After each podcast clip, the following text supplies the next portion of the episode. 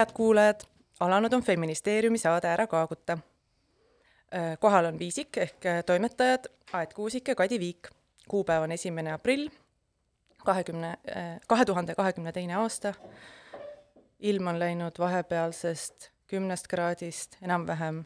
nullilähedaseks, talv ei taha eriti lahkuda ja saade, mida te kuulate, on kolmekümne esimene. ja uskuge või ärge uskuge, aga me teeme Ära kaaguta saadet juba, Kadi, mitmendat aastat? kolmandat. neljandat. jah? jah aga rohkem memuaare me praegu vist ei ava, me võime muidugi teha kunagi saate sellel teemal, et Kadi, mida sa tundsid esimeses saates ja millest me rääkisime? minu küsimus, mida ma tun-. aga tänase saate teemad on aktuaalsemad. räägime Ukraina sõjast, selle mõjust, sellest, kas me tunneme lootust või on see lõplikult lahkunud. meile tuleb külaline täna,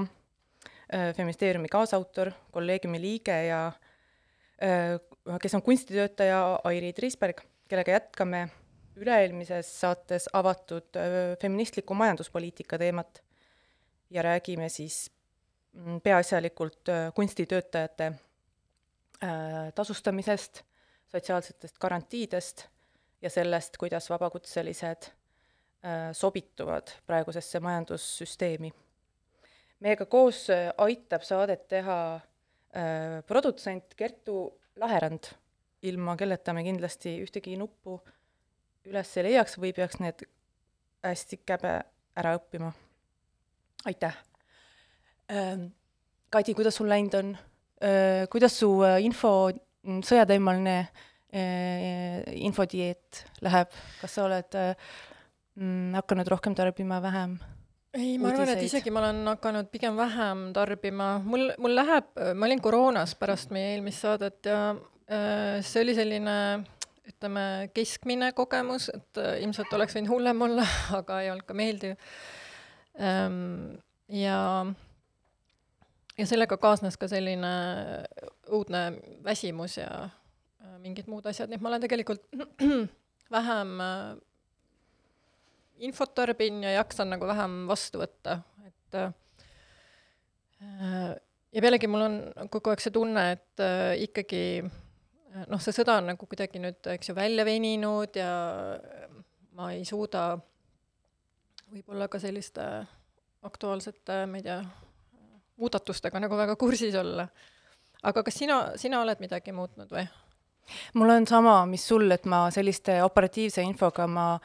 ma kuidagi ka tunnetan, et ma ei vaja seda igal hommikul esimese asjana, seda, selle telefoni kaasavõtmist ja vaatamist nendes Telegrami gruppides, neid pilte ja et ma kuidagi olen sellest äh, maha rahunenud ja ma noh, ootan, ootan ikkagi hullu seda sõja lõppu väga ja, ja püüan äh, kuidagi laiemale pildile keskenduda, aga ikkagi millele ma tähelepanu olen pööranud või mis, mis lihtsalt on jäänud silma, on see, kuidas mm, sellest sõjast räägitakse ja, ja mida sellelt Venemaalt on oodata. Mm.. ja see kõik on selline jah, femi-, feministina on mul ikkagi ka hästi palju kummitavad peas mingi sellised paralleelid pidevalt, et vägivaldsest suhtest on kõige oht-, me teame, et vägivaldsest suhtest on kõige ohtlikum äh,, kõige ohtlikum selle vägivalla ohvri jaoks on aeg, kui ta tahab vägivaldsest suhtest lahkuda. Mm.. ja et kui, noh, et Ukraina siis on äh, postsovetlik äh, riik, nagu Eestigi, on Nõukogude Liidu liige olnud ja on olnud hästi kaua ju Venemaa, noh, oluliselt suurem, suuremas os-, su-, su-, suuremalt või rohkem Venemaa mõjuväljas kui näiteks Eesti, kes valis sellise lääneliku turumajanduse tee noh, kohe pärast liidust väljaastumist, liidu lagunemist. aga, aga Ukraina on äh, Äh, seda teinud hiljem ja sellega koos on ju tulnud kaasa äh, väga suured karistused mm. ja, ja väga lihtne on jällegi öelda, et aga miks sa siis ära ei läinud või miks sa siis äh, äh, noh, ma ei tea äh,, et, et, et ohver saab ju alati lahkuda, aga, aga noh et see on selline natuke fanta-, fa-, fantaseerimine, fantaasia rohkem, ma saan sellest ju ise väga hästi aru, aga need paralleelid on nagu hästi mm -hmm. ilmsed. jaa kusjuures Eesti puhul tuuakse ju ka välja seda, et see meie liitumine NATO ja EL-i, Euroopa Liiduga oli võimalik äh, hästi lühikese ajaakna nagu mm. vältel mm, -hmm. et äh, et mingi neli aastat või mis see pikkus oli, et äh, selles mõttes äh, need äh, riigid, kes äh, noh, ei, ei tegutsenud siis sellel ajal või, või kes ei saanud tegutseda või keda ei oodatud niivõrd võib-olla kui teisi riike, et äh, nendel on jah, päris raske on. ja noh, see ka, kuidas Venemaa ju tahab kaitsta Ukrainat mm -hmm. tema enda eest või kaitsta sealseid äh, inimesi äh, natside eest, et see on ka selline, selline tohutult patriarhaalne ja šovinistlik äh, äh, kontseptsioon et mm, -hmm. et siis seda inimest, seda, seda ilma agentsuseta subjekti, teda on vaja kuidagi katta ja kaitsta, küsimata, mida ta ise vajab või mis talle endale kõige parem on või mida ta ise üldse mõtleb. ja noh, see, kuidas, kuidas Venemaa räägib sellest denatsifist-, denatsifitseerimisest, on ju, noh, on ka, on ju, selline absurdi tipp, et et ma, ja ma saan hästi aru äh, Äh, mitte et ma mõistan, aga ma saan aru, miks on Venemaa sellise retoorika valinud, et Venemaa on ju olnud sõjas äh, äh natsiriigiga mm -hmm. ja ta on selle võitnud, noh, Eestil -hmm. ja paljudel teistel riikidel sellega, sellega seoses ei läinud hästi, aga, aga seda ju tähistatakse tohutult ja sellise, selline natsivastane võitlus on täpselt see, millesse Vene, Vene selline propaganda saab äh, hästi istutada peale enda kõik tegevused ja õigustada sellega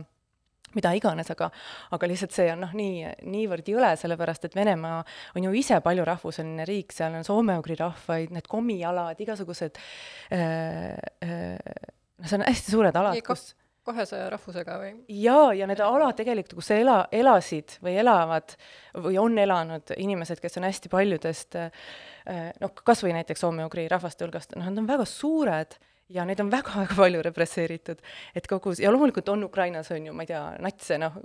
aga noh, neid on mm -hmm. ju mhm. kõikides riikides, Venemaal on neid kohe nagu ekstra, ekstra palju et see, lihtsalt see, see infosõda on nii totaalne ja ta on nagu nii hästi korraldatud ja see on mm -hmm. lihtsalt nii õudne. ja mis mulle jälle selle patriarhaadi ja, ja rassismiga tuleb meelde sellise imperialistliku tunnetusega, millest võib-olla on vähe räägitud, et, et need äh, Nõukogude Liidust äh, vabanenud riigid on ju ka postkoloniaalsed riigid mm, -hmm. on see, et, et, et, et Putin on kuidagi või Venemaa, see võimuladvik on kuidagi hästi nurka surutud, sest et, et nagu luuseriga ei mängita ju, et, et tal on võimatus ta sõda ka nagu kaotada, kui ta tahab midagi kui ta tahab võimu juurde jääda või et, et kui seal on mhm. selline, selline võimukorraldus on selline, äh, selline mm, toks-, toksiliselt maskuliinne, siis siis äh, tal pole muud varianti eriti, kui võita. ja see noh, muudab kogu maailma ja eriti Euroopa, Ida-Euroopa paneb hästi suurde ohtu, sest et äh, sealt noh, me lihtsalt ei, sealt võib tulla ootamatusi mm, -hmm. mida noh, mida me ei oska aimata või me oskame seda aimata, aga need on lihtsalt liiga hirmsad asjad, mida me lihtsalt ei taha äh, äh, taha tõsiselt võtta või me ei äh,, ma, mina küll ei taha nagu kujutada ette tuumarelva, keemiarelva või bioloogilist relva. jaa, jaa. kas äh,, kuidas sul selle lootusega siis äh, lood on tunned sa mingit tead, ma äh, ma tunnen äh, lootust mingitest väikestest asjadest umbes sellepärast, et äh, päike paistab. aga aga mu lootus on äh, kõvasti küll, ma ütlen, kuidagi äh, tasakaalustunud või vähenenud. Tasakaalustunud. äh, no, seoses sellega, kui no me avaldasime, me ei ole nüüd aprilli, täna on esimene aprill, et me ei ole uut äh, juhtkirja äh, kirjutanud, aga et ma mäletan, et kirjutasime seda vahetult pärast sõja algust on ju juhtkirja, me olime ikka väga äh, sellised lootusrikkad, et see kõik, küllap see kõik lõpeb ja siseopositsioon on nii suur ja mm. lihtsalt see, see lootus ongi vähenenud minul võib-olla sellepärast, et et ma näen, et see Venemaa siseopositsioon, see kodanikuühiskond või see tsiviilühiskond on seal nagu see ei ole selline nagu, ma ei tea, Euroopas või, või isegi Eestis, kuigi ka Eestis on see ju üpris noh, ei ole võib-olla nii tugev või aga et et ini-, et seal on, Venemaal on arreteeritud üle viieteist tuhande inimese, kes on osalenud protestidel, vastu on võetud seadused ju juba pärast tegelikult Krimmi annekteerimist, et et sellest Ukraina, Ukrainast ei tohi rääkida üldse sõja kontekstis ja seda ei tohi sellesse kuidagi sekkuda, sest see on kodumaa reetmine, mille eest võib saada kuni viisteist aastat karistust, et need, see siseopositsioon on nagu ikkagi väga nagu noh, mutta tambitud ja paljud inimesed, ärksad, teevad seda tööd, nad teevad Venemaal kohapeal, proteste tegelikult toimub iga päev Äh, aga need, ähm, aga paljud on ka lahkunud mm. Äh, ja saab teha muidugi ka välisriikidest toetada ja levitada äh, korrektset infot, mida, mida tehakse, et see, see Venemaa, see feministlik sõjavastane grupp tegelikult teeb ju päris ägedaid või selliseid hästi loovaid ähm, selliseid aktsioone, et nad prindivad välja, tõlgivad vene keelde ja prindivad välja mingisuguseid artikleid äh, nagu korrektse infoga sõjast ja panevad neid inimeste postkastidesse näiteks äh, nagu sellises paberkujul mm. -hmm. sest äh, noh, paljud ikkagi Venemaal, Venemaal on ju info väga-väga piiratud. ja, ja siis äh, rahatähtedele näiteks kirjuta-, kirjutatakse äh, tsiviilisikute langenute arvu näiteks mm -hmm. ja mingisuguseid sõjavastaseid sloganeid ja need lähevad ju äh, siis ringlusesse rahva hulka ja raha ei saa nagu ära ka visata või kuidagi kustutada, et et need on iseenesest, sellised asjad on ju ähm,, need on nagu sellised sekkumised ja selline info istutamine, mis on väga-väga vajalik. aga lihtsalt, et see opositsioon ja meie, meie võib-olla feministidena, mul on raske ja noh, vasakpoolse inimesena, et mul on raske kuidagi loota eliidile või mingisugusele nendele mm, oligarhidele aga nagu praegu ma võib-olla pigem vaataks sealt või ma, ma ei tea, sest see et kui nende sanktsioon, sanktsioonide tõttu läheb äh, elu nagu rikkamal kihil niisuguseks äh, äh, ebakindlaks ja, ja et siis nendel on võimu võib-olla rohkem äh, saavutada midagi, kui, kui selle tavalisel inimesel või protestijal. Mm.. mul on vist äh minu lootusekiired on seotud äh, ikkagi jätkuvalt sellega, et äh, ma olen kuidagi nii oma lähiümbruses kui ka Eestis laiemalt ja ka Euroopas laiemalt näinud ikkagi seda hästi suurt nagu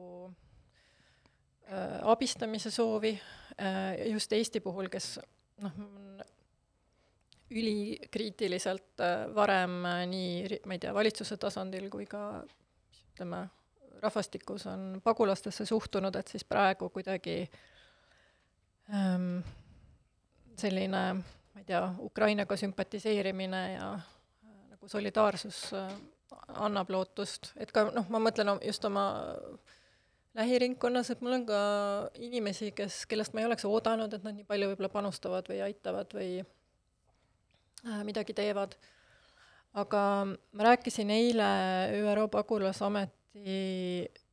Kari Käsperiga, kellega siis intervjuu varsti ilmub. Ja noh, tema muidugi väga rõhutas seda, et et te-, selle pagulaste puhul on tegemist äh, väga pika protsessiga, et see sõda võib nagu täna ära lõppeda, aga et see, mis toimub nagu pagulastega ja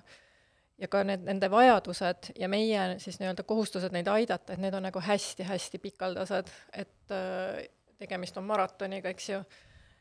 et äh, sealt äh, Ukrainast on praeguseks lahkunud veidi üle nelja miljoni inimese, aga seal on äh, sisepõgenikke on kuskil kümme miljonit, et noh, veerand rahvastikust on põhimõtteliselt äh,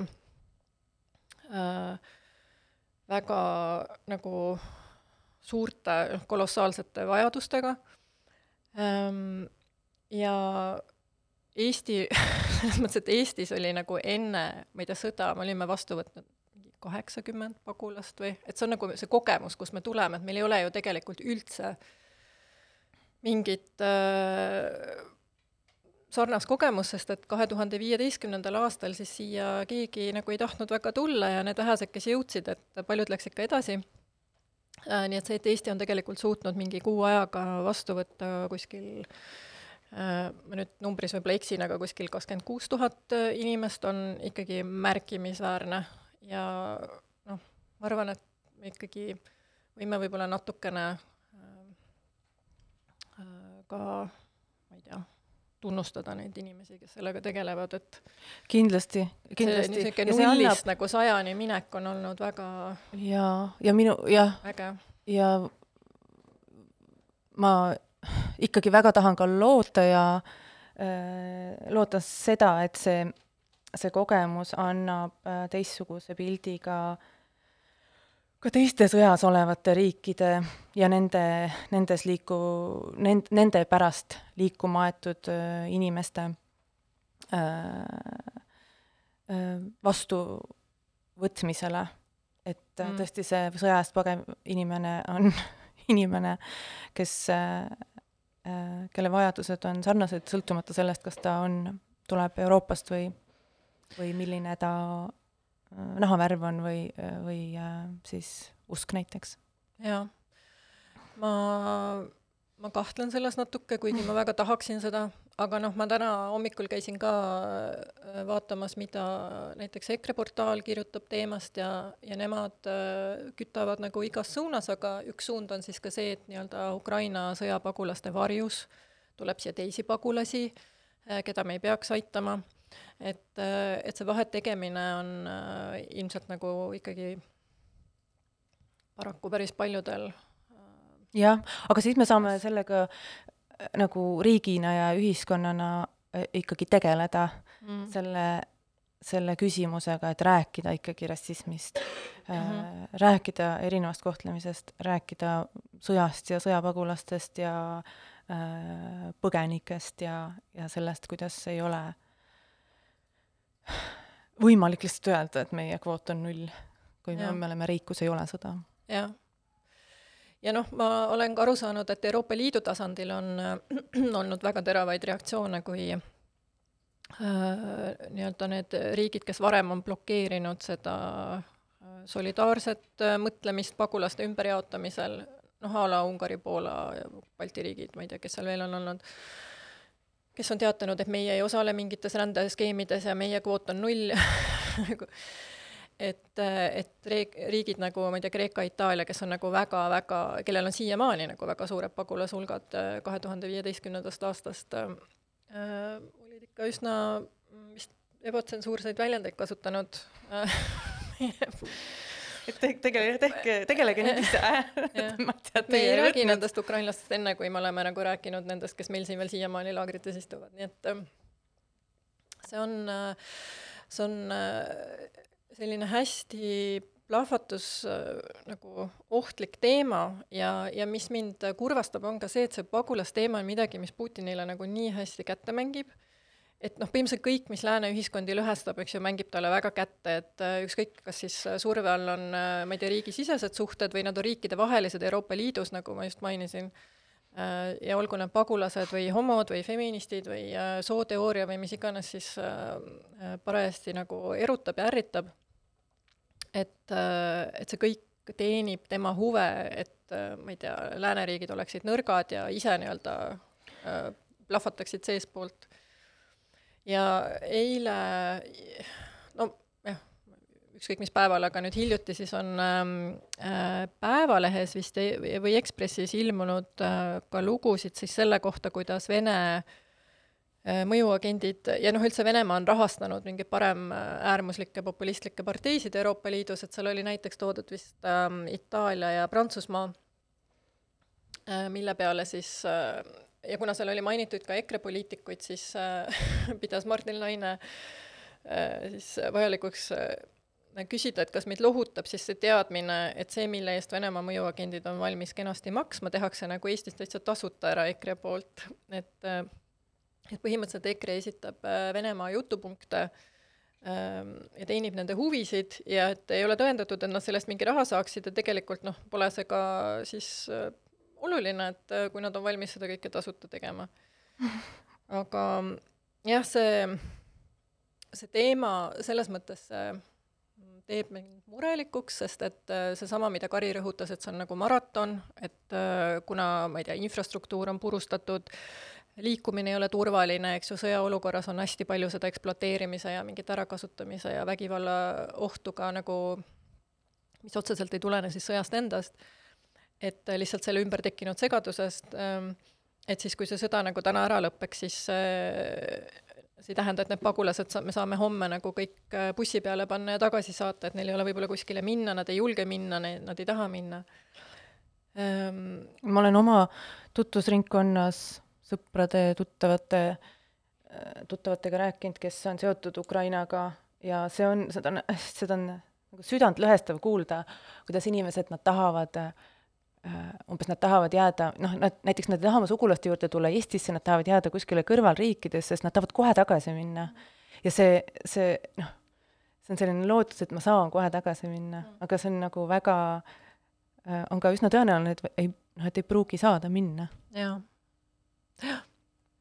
jah, teatud piirkondadesse kindlasti mitte ja noh, kui sul äh, pole enam, ma ei tea, kodu,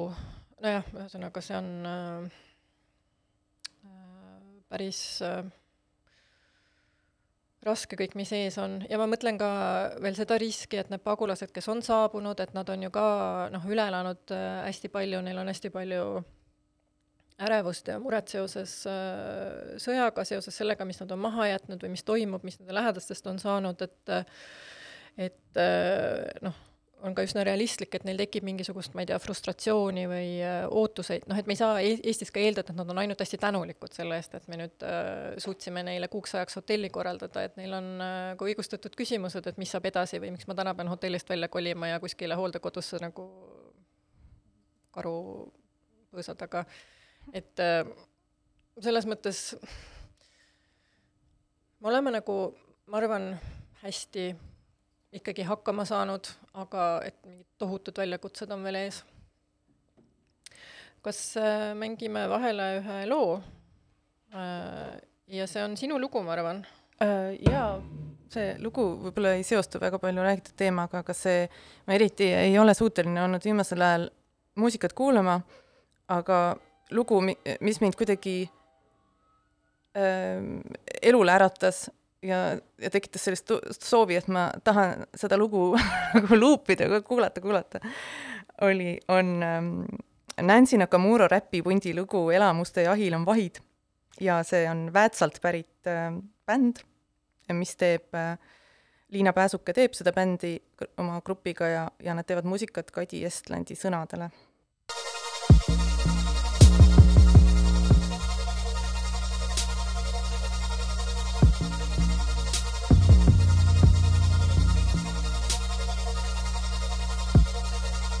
elamuste jahil on vahid, elud on mornid, linnuvaatlustornid, peenise kadedus, peenise arendus, peenise arengus.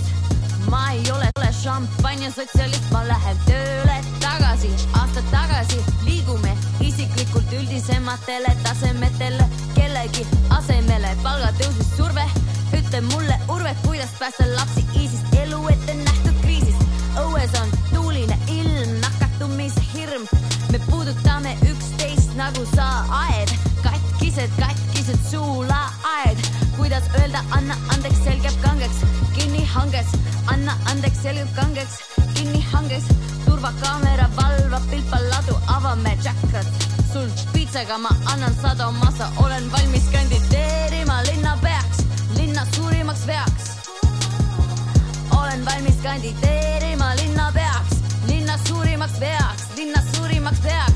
kõik on hästi meie peres, meie hästi hoitud pere veres. kõik on hästi meie peres, meie hästi hoitud peres.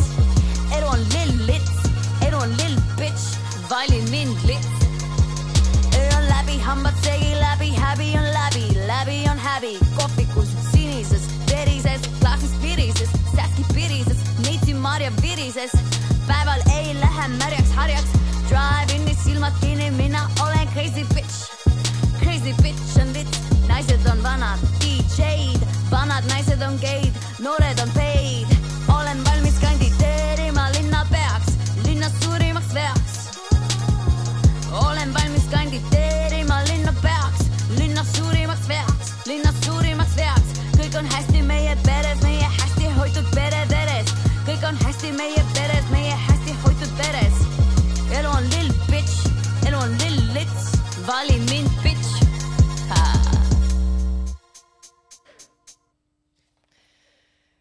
tere tulemast tagasi, eetris on Ära Kaaguta ja Viisik.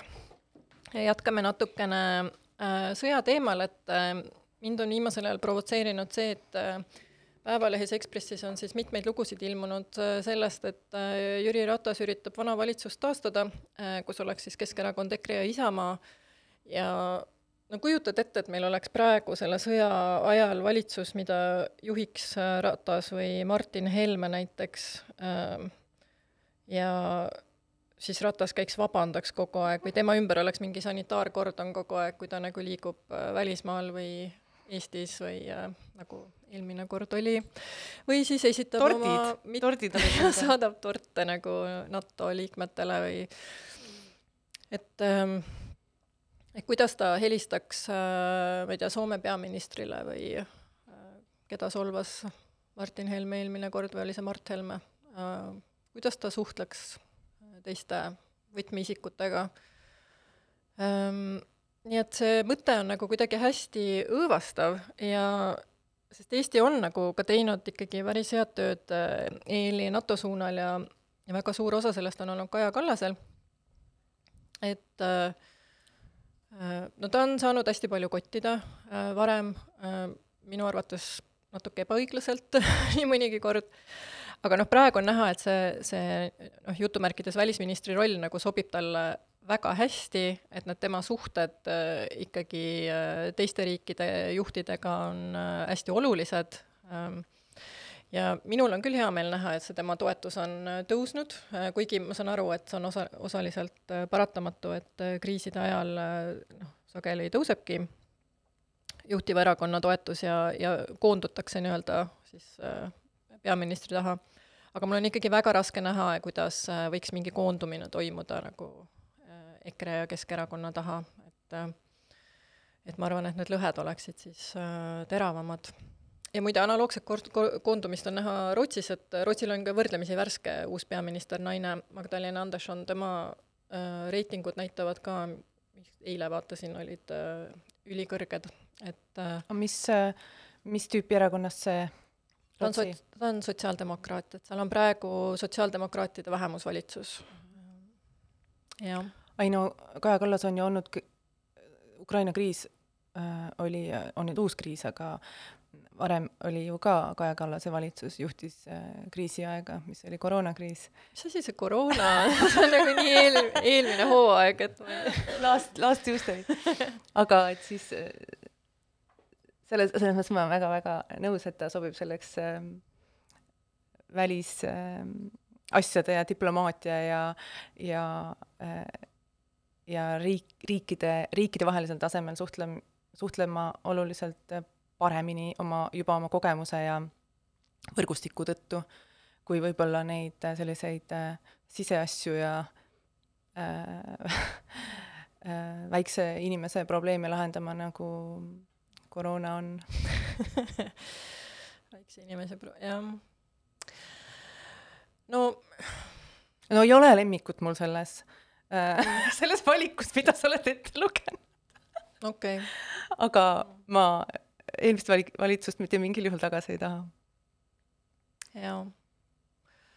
ma arvan, et äh, ikkagi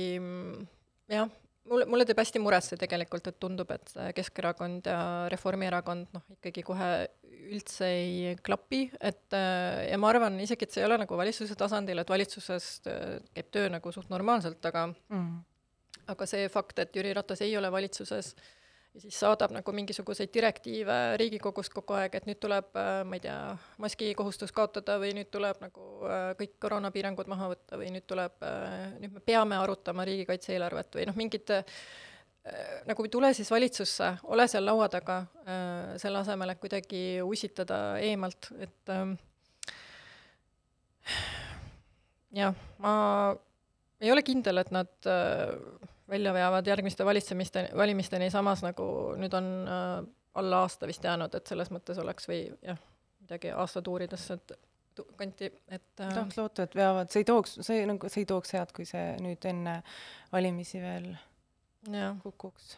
jah. selles mõttes on see ratas ikka oeh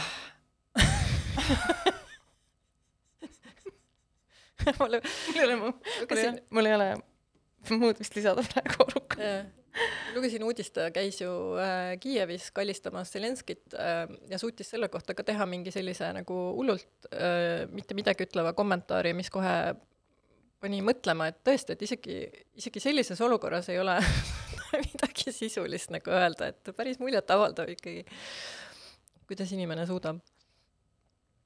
kuule, aga äh, mängime ühe loo veel, sest ma tegelikult õudselt tahaksin äh, Airi juba siia kutsuda, sest et äh, ta on saabunud? äh, Airi on siin jah saabunud ja meil on äh, hästi põnev teema jälle feministliku majanduse näol ja ma valisin äh,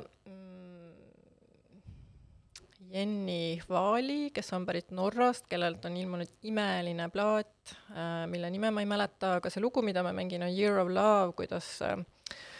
kus ta laulab äh, sellest, kuidas ta siis äh, abielulepingule alla kirjutades sõlmis kokkuleppe patriarhaadiga ja nüüd ma vaatan, kas ma saan ah,. abielukriitika, I love it.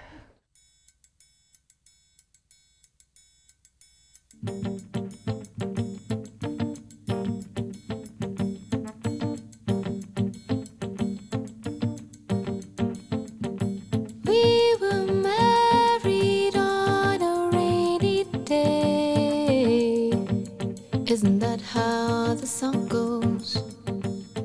I wore black jeans and codeine. I guess I wanted to make sure I seemed relaxed.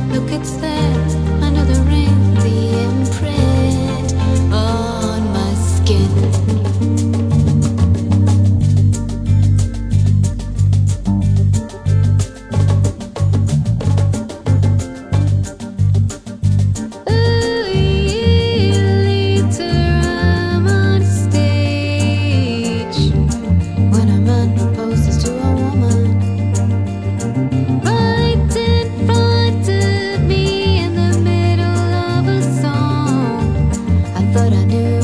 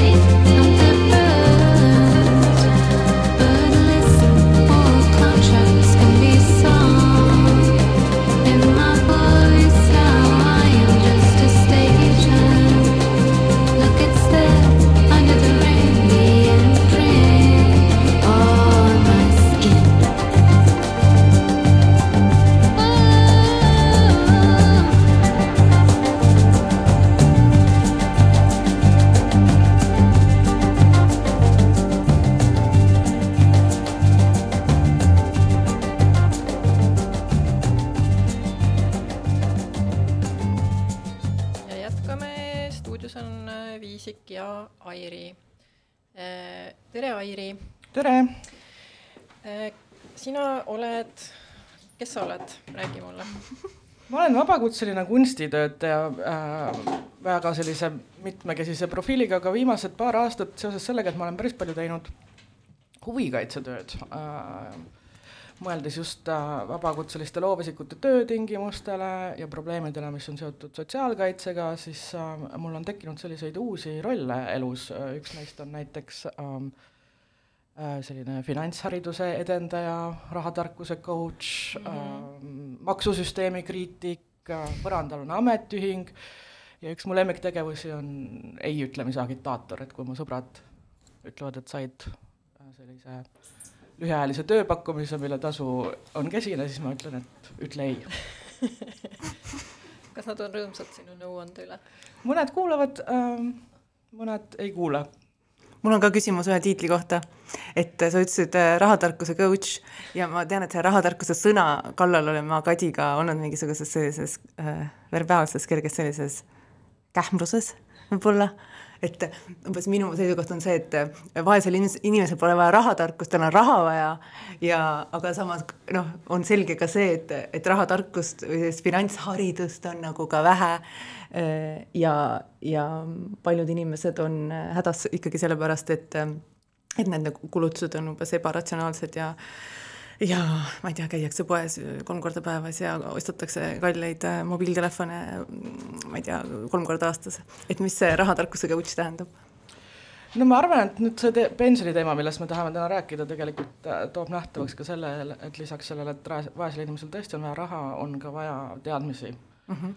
kuidas oma tulevikku kindlustada või kas see on võimalik vaese inimesena ja, ja minu puhul see näiteks äh, mina oma tööelu alustasin kahe tuhandendate alguses, esimesed tööasjad, mis ma tegin, oli tõlkimine ja raha mulle maksti litsentsilepingu alusel sellega. ja mitte keegi mind tol ajal ei informeerinud, mis on selle litsentsilepingu alusel töötamise tagajärjed, sest litsentsilepingult makstakse ainult tulumaksu, sotsiaalmaksu ei ole, see tähendab, et ähm, ei teki õigust ravikindlustusele, töötuskindlustuskaitsele ja pensionisambasse ei kogune mitte midagi. Ja mul võttis päris mitu aastat aega, sest et sealt tõlkimisest ma liikusin siis edasi kunstivaldkonnas töötamisala, kus järjekordselt ma töötasin litsentsilepingute alusel ja mul võttis päris mitu aastat aega, kuni ma aru sain, mis need tagajärjed on, ükski kolleeg seda mulle ei öelnud, Eesti Kunstiakadeemia, kus ma õppisin, ei informeerinud minult sellest, mõned tööandjad, kes mulle litsentsilepingute alusel seda tööd pakkusid, olid mu õppejõud seal ülikoolis ja nüüd ma pärast seda, kui ma aru sain, mis see kõik tähendab, ma otsustasin, et äh, esiteks, et ma võitlen äh, äh, nende halbade petturlike praktikate vastu ja teiseks informeerin siis ka kõiki enda ümber äh, ettevaatusele. Mm. -hmm kusjuures sa võtsid ise meiega ühendust äh, pärast eelmist üle, üle-eelmist saadet, kui me rääkisime feministlikust majandusest. Ja üleüldse ma arvan, see on see saade, kus me oleme kõige rohkem nagu tagasisidet saanud, et tundub, et see teema läks korda hästi paljudele aga mis, miks äh, sina äh, kutsusid ennast külla räägi. mind äh, väga käivitas see, mida ma teie saates kuulsin, natuke sellepärast, et ma kirjutasin ise möödunud aastal ühe artikli riiklikust pensionisüsteemist, ma vaatasin seda just vabakutselise kultuuritöötaja perspektiivist. minu eesmärk oli ise aru saada, sest et vaatamata sellele, et ravikindlustussüsteemi ma tegin endale juba rohkem kui kümme aastat tagasi selgeks, pensionisüsteemi ma tegin alles kaks aastat tagasi endale selgeks Äh, ja ma kirjutasin artikli, mis ilmus Vikerkaares, selle pealkiri on Pensioni oraakel soovitab äh, ja seal äh, lõpupoole läks natukene kiireks, läks ka tervis natuke halvaks ja mind jäi kripeldama see, et see feministlik perspektiiv selles artiklis jäi puudu ähm, või jäi väga-väga üldsõnaliseks. Ähm, ja teie saadet kuulates see äh,, kui te rääkisite feministlikust majandusest ja Kadi, sina tegid ka just pensioni teemal paar kommentaari, siis ma korraga sain aru äh,, see loksus mul paika, mis see feministlik perspektiiv on ja ühtlasi ma sain aru, et see on väga oluline teema, näiteks ka arvestades seda, et, et pensionisüsteemi Eestis vaadatakse vist iga viie aasta tagant üle ja tänavu on see aasta, kui Sotsiaalministeerium koostöös Rahandusministeeriumiga vaatab näiteks selle riikliku pensionisüsteemi toimimise üle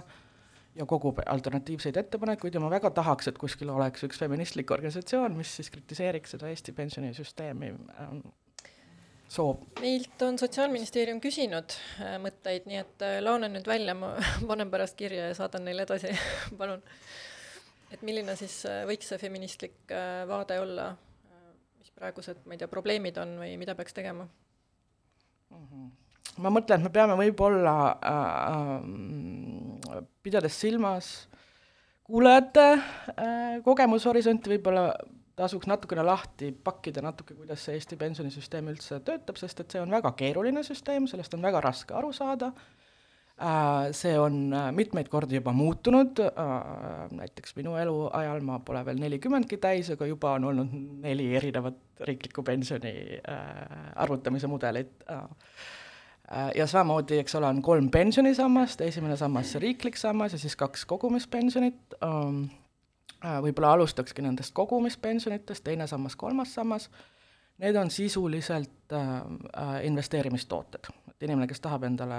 pensionit koguda, siis sõlmib lepingu pangaga ja hakkab väikeinvestoriks. ja riik siis kasutab erinevaid meetodeid, kuidas siis julgustada inimesi äh, raha koguma. Äh, teise samba pensioni puhul see on nii, et, et inimene, kes endale pensionit kogub, paneb kaks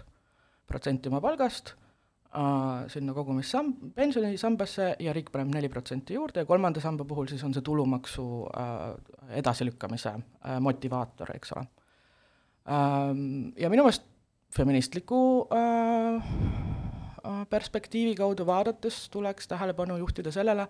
mida sa, Kati, selles üle-eelmises Ärakaguta saates ise ka mainisid, kui sa äh, võrdlesid äh, pensionikalkulaatorit äh, soolises vaates ja avastasid, et äh, käärid on väga suured mm -hmm. äh, meeste ja naiste vahel, mida vanemaks nad saavad ähm,. ja seal tuleb märgu, mängu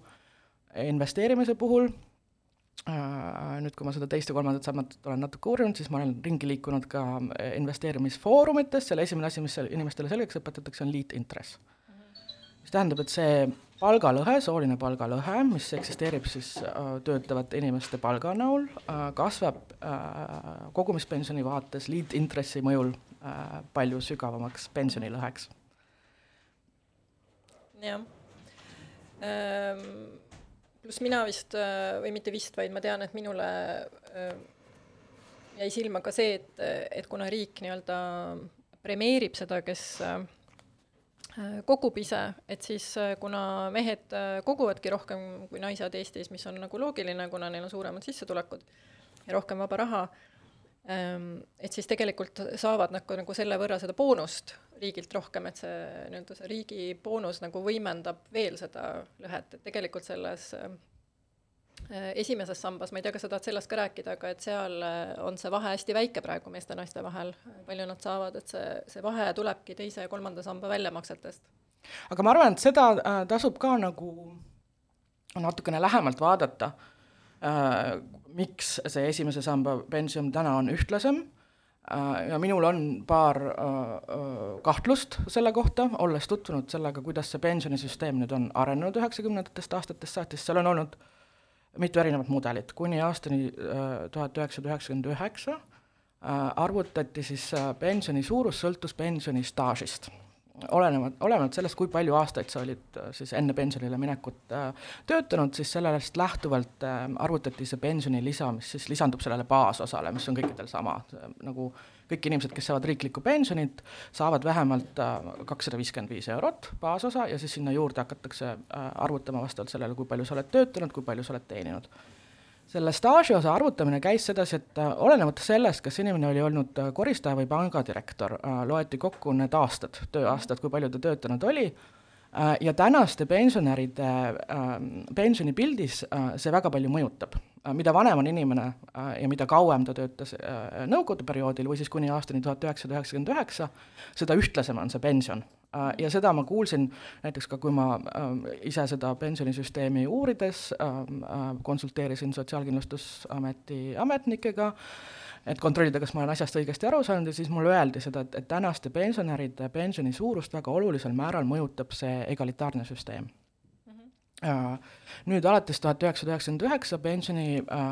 arvutamise mudel muutus ja hakkas sõltuma mitte enam staažist, minul näiteks seda staaži osa üldse ei ole, sest et mina enne üheksakümne üheksandat aastat ei töötanud see on ainult nendel inimestel, kes enne seda olid aktiivsed Äh, sellele järgnes siis see kindlustusosa, äh, mis sõltub makstud sotsiaalmaksust. Äh, mis nüüd siis tähendab seda, et see koristaja, kes võib-olla oli teeninud miinimumpalka, võrdluses siis ma ei tea, mingisuguse metsaärikaga, kes teenib head kasumit ja maksab endale ka kopsakat palka välja, siis seesama ebavõrdsus, mis nende vahel valitseb töötavate inimestena, peegeldub ka siis pensionis. et see jääb alles, see ei kasva liitintressi mõjul, nagu kolmandas sambas, aga see jääb seal alles. ja nüüd alates eelmisest aastast ähm, loodi veel uus süsteem, nüüd mõjutab siis ühendosa äh, seda pensioni suurust. ja selle ühendosa osas ma pean tunnistama, et mina sellest aru ei ole saanud päris täpselt, et seal on mingisugune kalkulaator, äh, seal on ka mingisugune loogika, mille eesmärk on siis süvendada seda ebavõrdsust äh, või vabandust, leevendada seda ebavõrdsust, ähm, luua suuremat solidaarsust pensionisüsteemi, mida lõi see puhtalt sotsiaalmaksupõhine pensioni arvutamine Äh, et seal nüüd arvutatakse kokku see staaži osa ja kindlustusosa kuidagi. täna on esimene aprill, täna on see päev, kui toimub pensionite äh, äh, indekseerimine, ka see päev, kui pensionikonto registri väljavõttesse ilmuvad eelmise aasta andmed, ma käisin seal hommikul et aru saada iseenda näitel, teades oma senist ajalugu, kuidas mu need pensionikindlustusosakute arvud siiani on kujunenud, äh, kas see ühendosa on nüüd teistmoodi, sest see on esimest korda, kui see kajastub, kahjuks ma ei leidnud seda numbrit sealt, ma leidsin oma staaži, eelmise aasta pensionistaaži numbri, äh, kindlustusosa juures ei olnud midagi ja ühendosa ei olnud seal kirjas, võib-olla see tuleb päeva jooksul, võib-olla see tuleb nädala jooksul, ma ei tea, ähm, aga nüüd see, see, see uus äh, pensionisüsteem, mis kehtib siis eelmisest aastast alates, selle eesmärk on natukene leevendada, äh, seda ebavõrdsust, aga, aga mis selle ulatus on, seda ma ei oska kommenteerida, võib-olla Kadi, sa oskad? Ei, ma nii äh, täpselt ei oska, aga ma äh, jäin mõttesse, kui sa ütlesid, et see metsaärikas võib-olla maksab endale kõrget palka, et ma arvan, et tema maksab endale dividende ja miinimumpalka võib-olla. see on ka tõenäoline. siis ta viib ka nagu süsteemist raha välja tegelikult, mida võiks ju kasutada solidaarse pensionisüsteemi ülesehituseks, aga aga vaata, feministliku majanduse keskmes on ju see hooletöö, äh, et nagu kas siis tasustamata kujul või ähm, tasustatud kujul, aga kui ta on tasustatud, siis ta on tavaliselt hästi madalapalgalites, palgalistes sektorites, nagu ma ei tea, hoolekandeasutused või, või lasteaiad ähm, ja äh, kuna need on enamasti naised, kes töötavad selles sektoris ja naised, kes töötavad kodus äh, ja teevad seda hooletööd, Äh, et siis noh, pensionieas on näha, et nad nii-öelda saavad karistatud sellel ajal ja selle eest. Et lihtsalt neil on, ongi madalamad palgad või siis nad saavad vähem palgatööd teha selle nimel, et nad ise teevad seda nii-öelda tasuta lastehoidu kodus. Ja kui ma vaatasin, ma käisin täna ka Sotsiaalkindlustusameti lehel, aga ma vaatasin äh, seda, et kuidas see laste, äh, sest ma tean, et äh, pensionisüsteemis on tegelikult mingi selline nii-öelda lasteboonus, et lapsevanemad, kes on kasvatanud last vähemalt kaheksa aastat, neil on, tekib mingi õigus saada suuremat pensionit ja samamoodi tekib õigus minna varem pensionile, kui sa oled paljulapselise või puudega lapse vanem. aga et seda õigust saab kasutada korraga üks vanem Ehm, ja see nagu, kes siis millist äh, õigust kasutavad, peavad vanemad omavahel kirjalikult kokku leppima ja kui nad siis ei lepi seda vabatahtlikult kokku, siis äh, Sotsiaalkindlustusamet jagab lihtsalt võrdselt need ära. Äh, mis, ja see kokkulepe tähendab ju esiteks, et sul on head suhted, sul on mingi head läbirääkimiste oskused, sul on, sa elad jätkuvalt koos võib-olla, et Äh, mulle tundub, et see ei ole ikkagi päris nagu noh, ei tasanda seda koormusest tulenevat ebaõiglust ära, et et öelda, et nüüd olge kenad kokku, leppige kokku omavahel ja kui te ei lepi, et siis me jagame kirvega pooleks. et ma ei tea, mis mõtteid teil see tekitab, aga mina mõtlesin selle näite peale näiteks siis, kui ma kuulasin seda teie majandusteemalist saadet, sest et rääkisite seal ka majanduslikust vägivallast äh, ja just ähm, laste kasvatamisega seotud pensionilisaga seoses mulle meenus äh, sellest ajast, kui mina kirjutasin seda Vikerkaare artiklit, eelmisel kevadel ma rääkisin ühe inimesega, kes ütles, et äh, jah, mul on laps, kelle ma üles kasvatasin äh,, aga ma ei tea, kas selle lapse isa on nõus alla kirjutama. äh, sellele, kui ma pensionile lähen äh,. ja mis siis tähendab seda, et kui nad kokkuleppele ei jõua, siis jagatakse see võrdselt ära, kuigi see naine äh, on selle lapse üles kasvatanud, nii et siin on ka üks võimalik äh, väljendusvorm äh, sellele majanduslikule vägivallale, mida teie äh, see mõjut-, see on nii hämmastav, et see mõjutab, see võib ju mõjutada neid inimesi, kes on olnud suhtes ammu aastakümneid pärast seda, kui nad on võib-olla teineteist, teisest äh, midagi ei tea, ei taha teada ja pole teineteise ellu ei kuulu juba ammu. kusjuures mulle tuli praegu meelde, et sina ütlesid eh, eelmine kord ka, et äh, just selle läbirääkimiste kohta, et äh, see on selline väga hea ka test, et kas sa üldse tahad mingi inimesega koos elada või mitte, on nagu oma majandusasjad äh, läbi rääkida enne kokkukolimist, et vaata, minu käest on küsitud ka pärast seda saadet, et kas sina, et sa nagu räägid sellist juttu saates, et kas sa oled seda siis ise ka reaalselt teinud? no mis vastasid? ma olen seda teinud, sest et ma olen, ma olen seda teinud tõesti ühe korra, ühe, ühe kõige viimase partneriga ja just sellepärast, et me,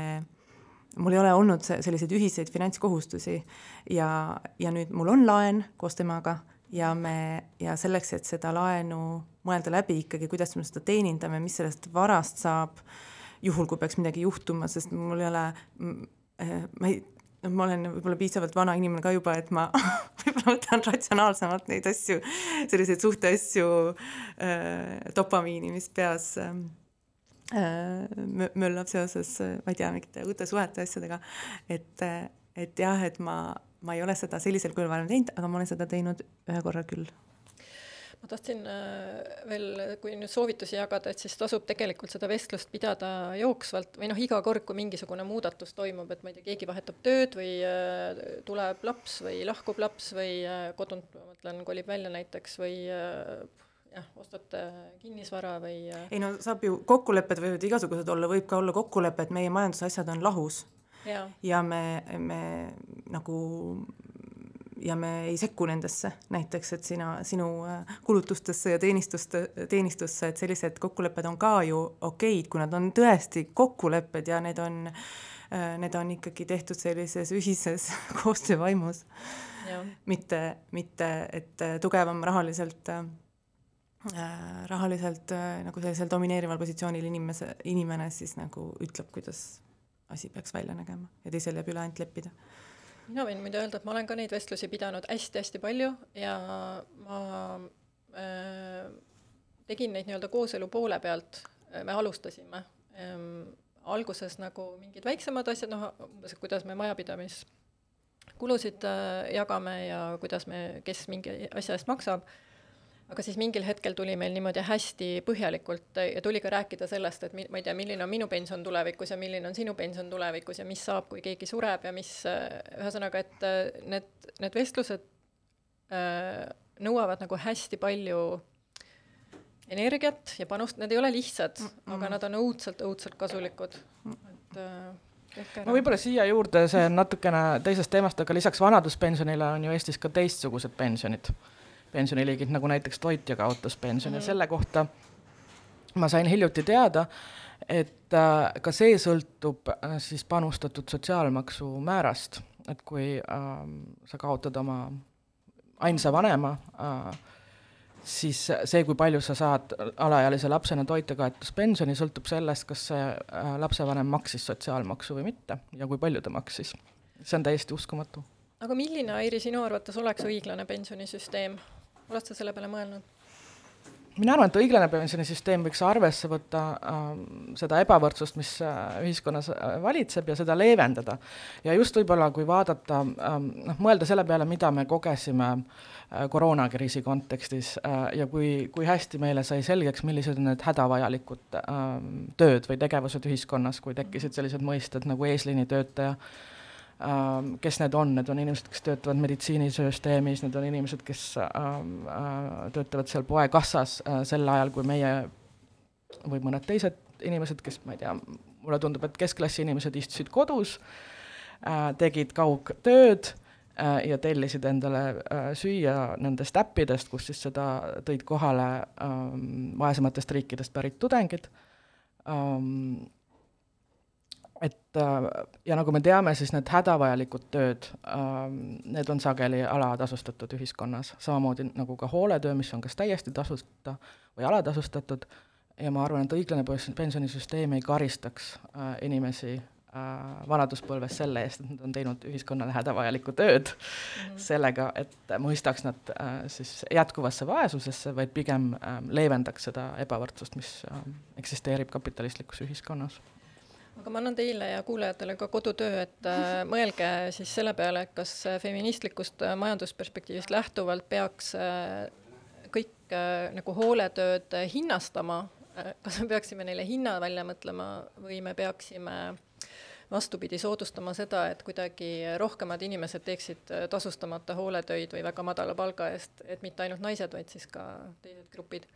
mul endal ei ole vastust, ma võin öelda, aga see on selline intrigeeriv. aga see on võib-olla kõige olulisem äh, punkt äh,, kui küsida,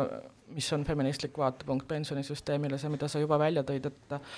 et äh, need enamasti naised, kes teevad tasuta hooletööd, äh, kas siis selle tasuta lastehoiu näol või omastehoolduse näol, nad äh, võtavad ära koormust sotsiaalkaitsesüsteemilt, aga samal ajal see ei luba neil äh, siis teha karjääri, kõrgesti tasustatud tööd äh,, äh, mis tähendab, et, et mida rohkem nad panustavad sellesse tasuta hooletöösse, seda vähem nad saavad vastu siis ühiskonnalt selle solidaarse äh, hoole näol. aitäh sulle, sa valisid ühe loo ka. Äh,, miks? Äh, see oli esimene lugu, mis mulle torkas, tuli meelde seoses märksõnadega äh, Töö äh, ja naised, see on Bertolt Brechti äh, Kolme Krossi ooperist äh, pärit lugu. Äh, mul oleks selle kohta veel kaks minutit äh, juttu öelda, aga meil vist ei ole aega. ei jõua lugu, lugu kuulata, nii et davai, see on siis Pirate Jenny ja laulab Nina Simone ja aitäh teile, aitäh Airi, aitäh Aet, aitäh head kuulajad ja need halvad kuulajad ja kohtume jälle, tšutšufrei. nägemist.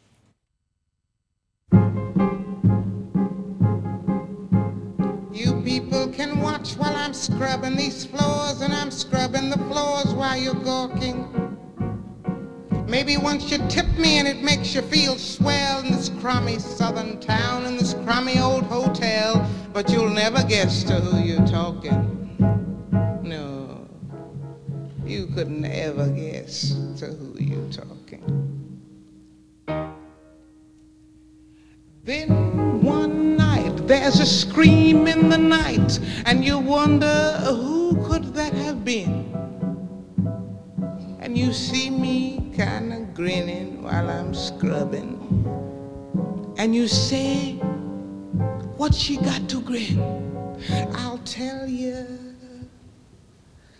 There's a ship,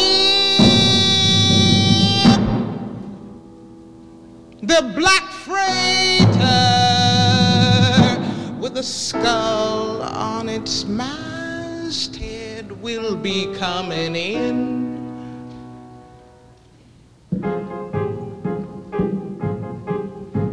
You gentlemen can say, hey gal, finish them floors, get upstairs. What's wrong with you? Earn your keep here. And You toss me your tips and look out to the ships, but I'm counting your heads as I'm making the beds, cause there's nobody gonna sleep here.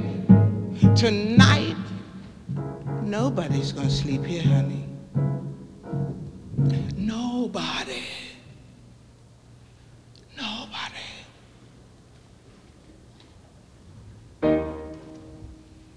Then one night there's a scream in the night, and you say, Who's that kicking up a row? And you see me kinda staring out the window, and you say, What's she got to stare at now? I'll tell you, there's a ship. The black freighter turns around in the harbor, shooting guns from her bow. Now, you gentlemen can wipe off that smile off your face, cause every building in town is a flat one. This whole frickin' place will be down to the ground. Only this cheap hotel standing up safe and sound. And you yell, why do they spare that one? Yes, that's what you say. Why do they spare that one?